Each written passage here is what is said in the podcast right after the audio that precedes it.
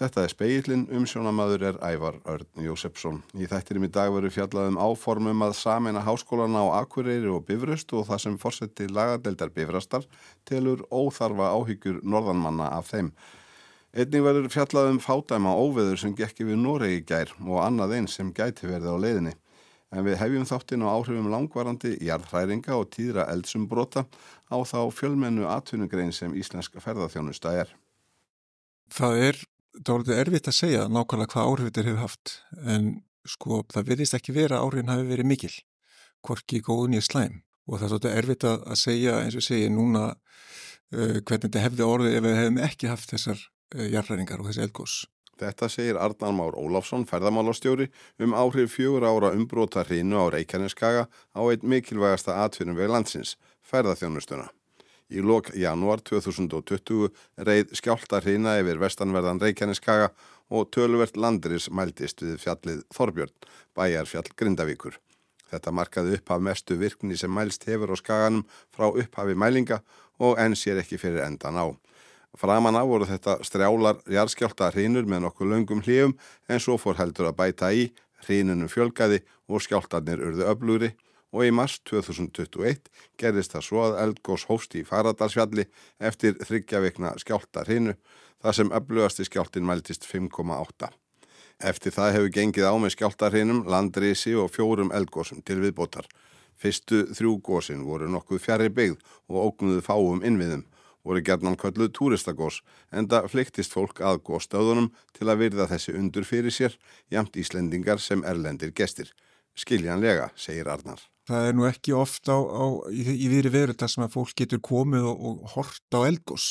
Það er nú bara verið á færi vísindarmanna almennt en hérna nú er þetta í ákveðin nálag við okkur og það var nú nokkuð áhugaverð umfjöldun uh, í, í breskum fjölmili ekki fyrir uh, mörgum dögum síðan þar sem að vera að fjalla um emitt Ísland sem svona áfangastað þar sem að eldvirkni er, er sínleiri heldur annar stað þannig að þetta er svona, uh, þetta er ákveðin í vitt getur við sagt Það er þó sama hversu lítil eða heppilega staðsett elgós eru talin. Þau eru alltaf stór hættuleg og það getur líka átt við gönguna að gósunum, ekki síst ef veður er vond og fólk ídla búið. Það er álag á, á hérna, þeim aðlum sem eru að halda utan um þessi svæði, hvað sem það eru björgvansvita fólk eða, eða, eða aðrir og það eru alltaf einhverju sem að vilja endilega koma á sjá uh, betur og, og, og fara yfir úr hraun og langa leðir og koma sér jæfnvel í, í hættu og það er ekki bara við um, um ferðamenn, það eru Íslindika líka, þannig að það hefur mætt mikið á, á viðbærsæðilum. Við aðstæður eins og nú eru uppi á Reykjaneskaga hefur ferðamálastofa þrý þættur hlutverkið að gegna, segir Arnar. Að upplýsa ferðafólk og ferðarþjónustu fyrirtæki um aðstæður hverju sinni, koma viðvörunum og upplýsingum um yfirvonandi hættu, lokanir og annað til þessara sömu hópa þegar neyðastígi hefur verið líst yfir og aðstóða erlenda fjölmila við að afla sér réttra og áræðanleira upplýsinga meðal annars með því að koma þeim í samband við jarðvísinda fólk sem fyrir segir voru fyrstu þrjú gósin gerðan kölluð túristagós og stóðu í sjálfu sér vel undir því heiti þegar á allt er litið og lífið gekk sinn vana gang. En svo sýrti heldur betur í álinn þegar kröftu skjáltarhina reyði við Grindavík og nákrenni í nóambur síðaslinum. Reif þar jörð og skekti allt og skeldi og bærin var rýmdur í skyndi. Rúmum mánuði síðar, 18. desember hós og fjörða eldgósi í þessari miklu umbrótarhinu ekki langt frá Grindavík úr heljarstórum kveikugangi sem tegir ánga sína víða meðal annars undir Svartsengi og Grindavíkur bæ. Gósið stóð ekki lengi og all ekki teljandi tjóni á mannverkum frekar en þau þrjú sem á undan voru gengin. Það breyttist svo 14. januar þegar þarna gauðs 5. sinni enn nær Grindavík úr tveimur gígum eða sprungum. Önnur þeirra svo stærri og öflugri var utan nýreistra varnagarða en raunur henni rann yfir Grindavíkurveg og skemmti háspennulínu í jörð. Hinn góðsprungan opnaðist innan varnargarðana við útjæðar byggðar í Grindavík og hraunni sem úr henni rann eiðilegði þrjú hús. Við getum sagt að sko þegar að uh, jarðhæringarna færast yfir á Grindavíkusvæðið þá verða ákveðna breytingar. Að hérna það er eitthvað sem að elendi fjölmjölar uh, pikkuðu svolítið upp pressilega og með mjög svona á tíðum dramatískar lýsingar sem að hérna uh, um, um, um, um þessi, þessa framvindu mála og það hafði vissulega áhrif. Og þetta var svona aðalega í upphafi þegar að eh, Grindvæk Grindvæku bara var, var rýming þar. Og þá var eins og að allt Ísland væri undir. En hérna, það má nú segja það að þessi erlenda umfjöllun í fjölumilum, hún hefur róa svolítið, hún er meira staðrindabundin og svona réttari. Og það sem að, að við viljum leggja áherslu á í okkar skilabóðum til ferðamanna og, og Íslandsdói hefur markvist verið að vinna að. Það er komað því að framfæra að Ísland er, er örugt ferðamannland og áhrifin er mjög staðbundin. Grindavík er enn hættusvæði og fólk fær ekki að fara þar um án eftirlit svo jafnvel fyldar og það eru ekki síst sprungurna sem mynduðust í november sem skapa hættu og hafa þegar kostað eitt mannslíf. Ágreiningur er uppi um hvort og þá hvernig hægt verður að fylla í þær sprungur eða tryggja með öðrum hætti og ekkert er vitað um hvenar óhætt má heita að flytja aftur til Grindavíkur. Grindvíkingar finna því umtalsvert meira fyrir afleðingum þessara umbróta en aðrir en áhrifana gætir þó víðar og mun gæta lengi enn því jarðvísindamenn telja næsta örugt að umbrót og eldvirkni síðustu fjóra ára sé aðeins byrjunin á umbróta skeiði sem standamunni áratugum og jafnvel öldum saman og jafnvel tegja sér til höfuborgarsvæðisins. Og ferðarþjónustan sá mikilvægi atvinnuvegur sem tugir þúsunda Íslendinga og annara íbúa landsins hafað lifibröði verður að bregðast við þessum breytta raunveruleika, þessari breyttu vöru sem Ísland er orðið, segir Arnar og byrjaði að gera langtíma áallanir. Eru íslensk ferðarþjónustu fyrirtæki kannski þegar farin að breyta áherstum sínum vegna atbyrða síðustu fjóra ára? Sko ég get ekki alveg fullir það, ég hef ekki fylst eh, alveg með því en ég get mér þess til að vöruþróun sko uh, verði fyrir áhrifum að, að, að eldvirkni og, og eldgós og allt sem við kemur því sé svona uh, já, því sé lifthæra undir höfði en það er þetta gríðarlega áhugaverð um, mál í, í hugum felamanna. Það er eins og ég mittist á hérna áðan að, að, að það er uh, almennt ekki á færi venjulegs fólks, við getum orðað þannig að, að sjá uh, elgós. Ég maður alltaf eftir því að hérna, þegar ég var í Kanada var leysumæður og það var, var gós í fimmirahálsi og ég fór með ferðarmennarnu sem áttu ekki vona að, hérna, að komast í tæri við, námatu við elgós uh, þegar að ferðin var bókuð. En svo breytist aðstæður og það gaus og við fórum hann upp yfir og fólk bara hágrét og þetta var ekki eitthvað sem það áttu vona nokkuð tíman að sjá. Þannig að þetta vegur gríðarlegan áhuga, gríðarlega forvetni uh, fólks þannig að við þurfum svolítið að stíga ölduna og, og, og láta þetta svolítið vinna með okkur. Láta þetta vinna með okkur segir Arnar og það er reynar fátt sem bendi til annars en að svo verði að óbreyttu. Farþegum til landsins í desember fjölgaðum næri 15 milli ára eins og Arnar greindi frá þótt að skráðum gistinóttum hafi eitthvað fækkað á sama tíma og þrátt fyrir að óvissan í november og desember hafi dreyið úr bókunum um hríð reyndist það tímabundið ástand og ferðamálastofa spáir því að 2,4 miljónir ferðamanna muni leggja leysina til Íslands í ár sem væri met og að það met verði slegið strax á næsta ári þegar búist er við 2,6 miljónum ferðamanna.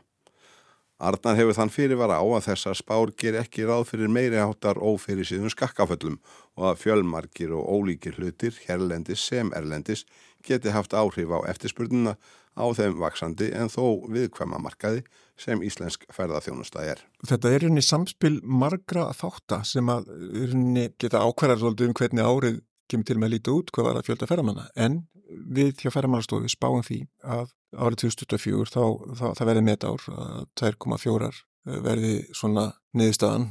Getur við tekið á móti 2,4 miljónum ferðamanna á árinu skamlöst? Þetta er stóra spurningin. Já, við getum það. Við getum það en, en við þurfum að ná, ná ákveðnum árangur í betri dreifingu um, um landið og yfir árið til þess að geta tekið, já, tekið á móti þessum fjölda með sóma. Sæði Arnar Már Ólafsson, ferðamálastjóri.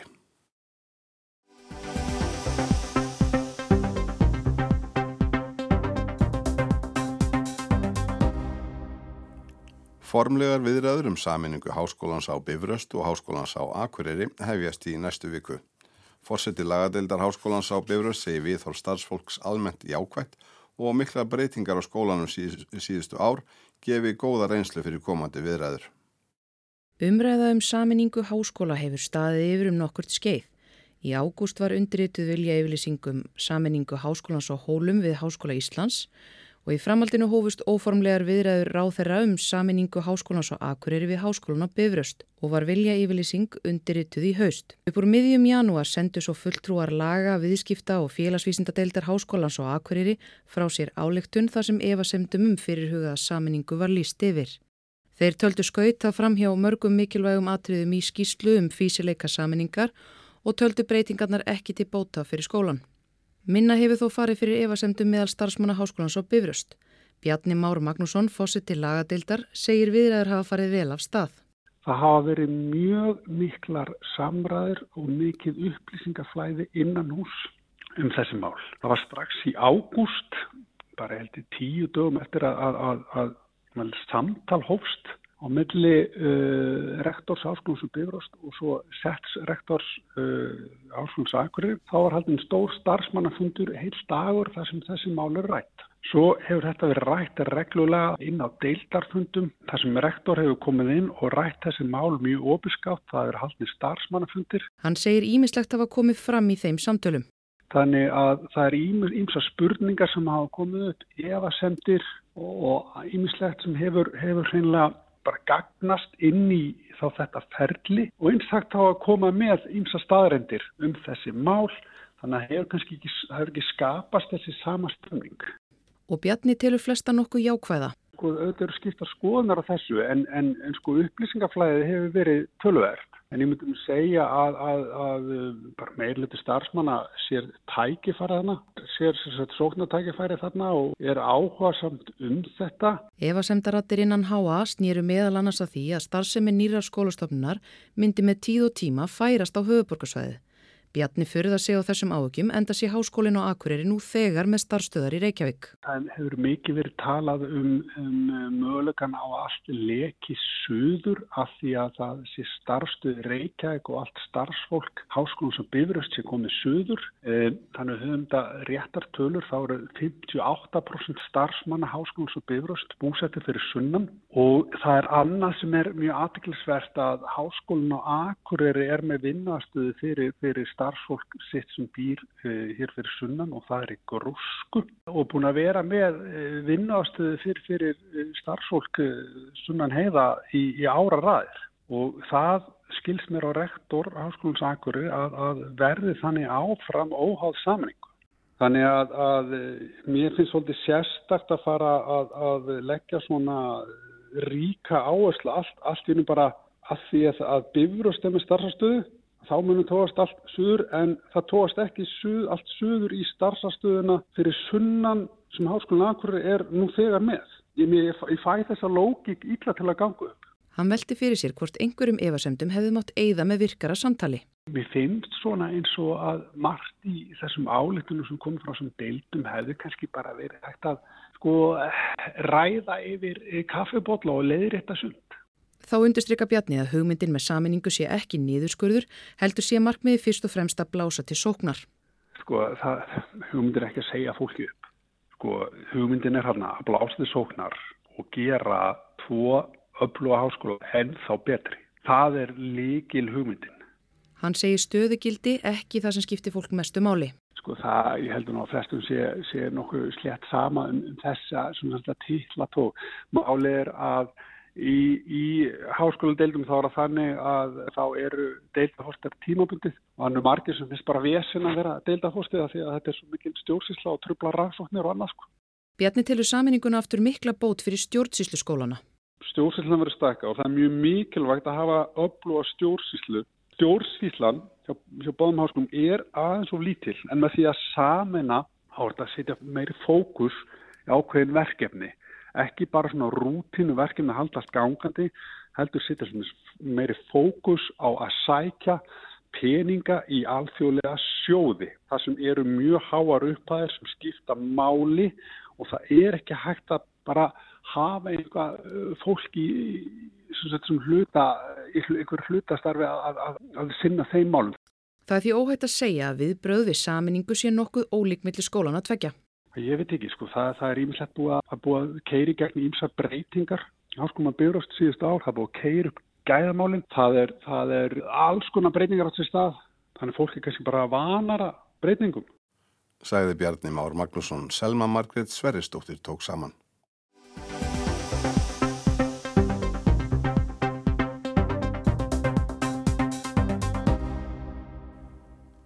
Mikið óveður hefur gengið við norðanverðan Noregn síðasta sólarhing. Óttast er að ný óveðuslæð komið upp að þrændalögum í nótt. Eitt maður slasaðist alvarlega en annars er mikið tjón og víða, mikið tjón og víða á eigum manna. Veðurfræðingar segja að viðlíka óveður komið aðeins tvísvar á öld að jafnaði. Gísli Kristjánsson. Elstu menn eru loksins sammála um eitt. Þetta er með vestu veðrum sem gengi það yfir vestan og norðanverðan Noreg. Samjöfnuð er helst að finna í miklu óveður á nýjársdag árið 1992 þegar Haraldur konungur var nýlega komin til hásæti sér í Óslo. Hann fór á hamfaraslóðir að hugreista landsmenn.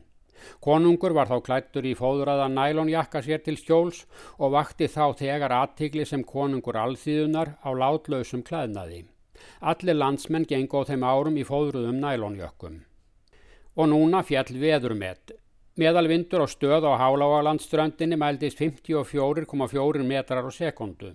Það slagar upp í íslenska veðunmetið á skálafelli annan janúar árið 1998 upp á 62,5 metra á sekundu. Þannig ekki þarf fleiri vittna við í metingi þessara frændþjóða um belging og vindstyrk. En staðan var alvarleg norðarlands í gær og er ennverð að kanna skemdir áður en að næsta lota gengur yfir í nótt og morgun. Þetta er að verða með vestu vetrum og ekki allt búið enn. Lagðirnar hafa stilt sér upp í byðuröð við Ísland.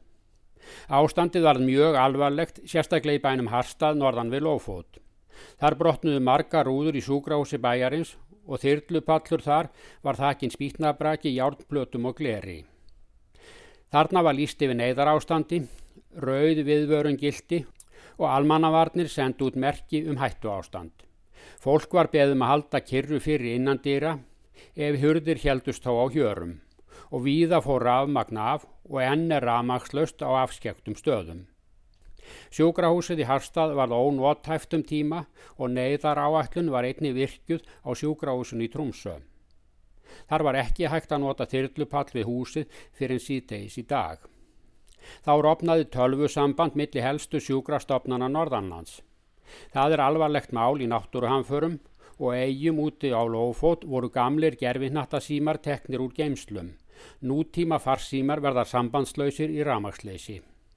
Flugumferð fóru öll úr skorðum og um 500 manns urðu veður teftir í flugstöðunni á Langanesi við Trúmsö. Ekki var þá lengur plás á gistuhúsum bæjarins fyrir alla og um 200 flugfarþegar heldu til á bettum frá almannavörnum í brottfarasalnum í nótt með öllar teppi yfir sér. Strandferðarskip voru látin býða af sig veðrið, þau eru mikilvægur þáttur í samgöngum milli hinn að dreifðu sjáarplása Norðarlands. Vitað er einn maður slasaðist alvarlega þegar hurð á skipasmiðastöði Lófót brotnaði yfir hann. Hann var fluttur á sjúgrás í þrántteimi. Annars ekki lán að engin dauðaslís hafi orðið í öllum þessum látum. Veðrið núna er talið með fádæmum.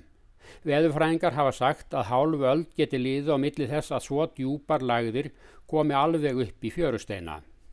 Innviðir samfélagsins er jáfnframt viðkvæmari fyrir svo miklum látum í veðrunu en áður var. Allt er núna háður afmagni og það sloknar á tækjum og ljósum þegar raflínur slittna. Hús þar á meðal sjúgráhús eru hærri og stærri en var og þóla ítla mikinn vind eins og reynslan síndi í harstað. Almenningur treystir auk þess á flugferðir í ríkjari mæli en áður var og verður svo að býða af sér veður í flugstöðum þegar hvessir. Fleiri en áður finna fyrir langvarandi ótíð. Tilkynningar um tjón á húsum og bílum og bátum skipta nú tegar hundruðum eftir gærdaginn og þó hefur ekki verið láta á vindi til að kanna allt. Veðrið núna er að ganga austur yfir Finnmörku en ný djúblægð er að myndast norður af færiðum og nálgast land með kvassviðri í nótt. Fleira er ekki í speiklinum í kvöld. Tækni með að Magnús Þorstein Magnússon hlustam á þáttin í spilaranum okkar á rú.is og helstu hlaðvarpsveitum. Verðið sæl.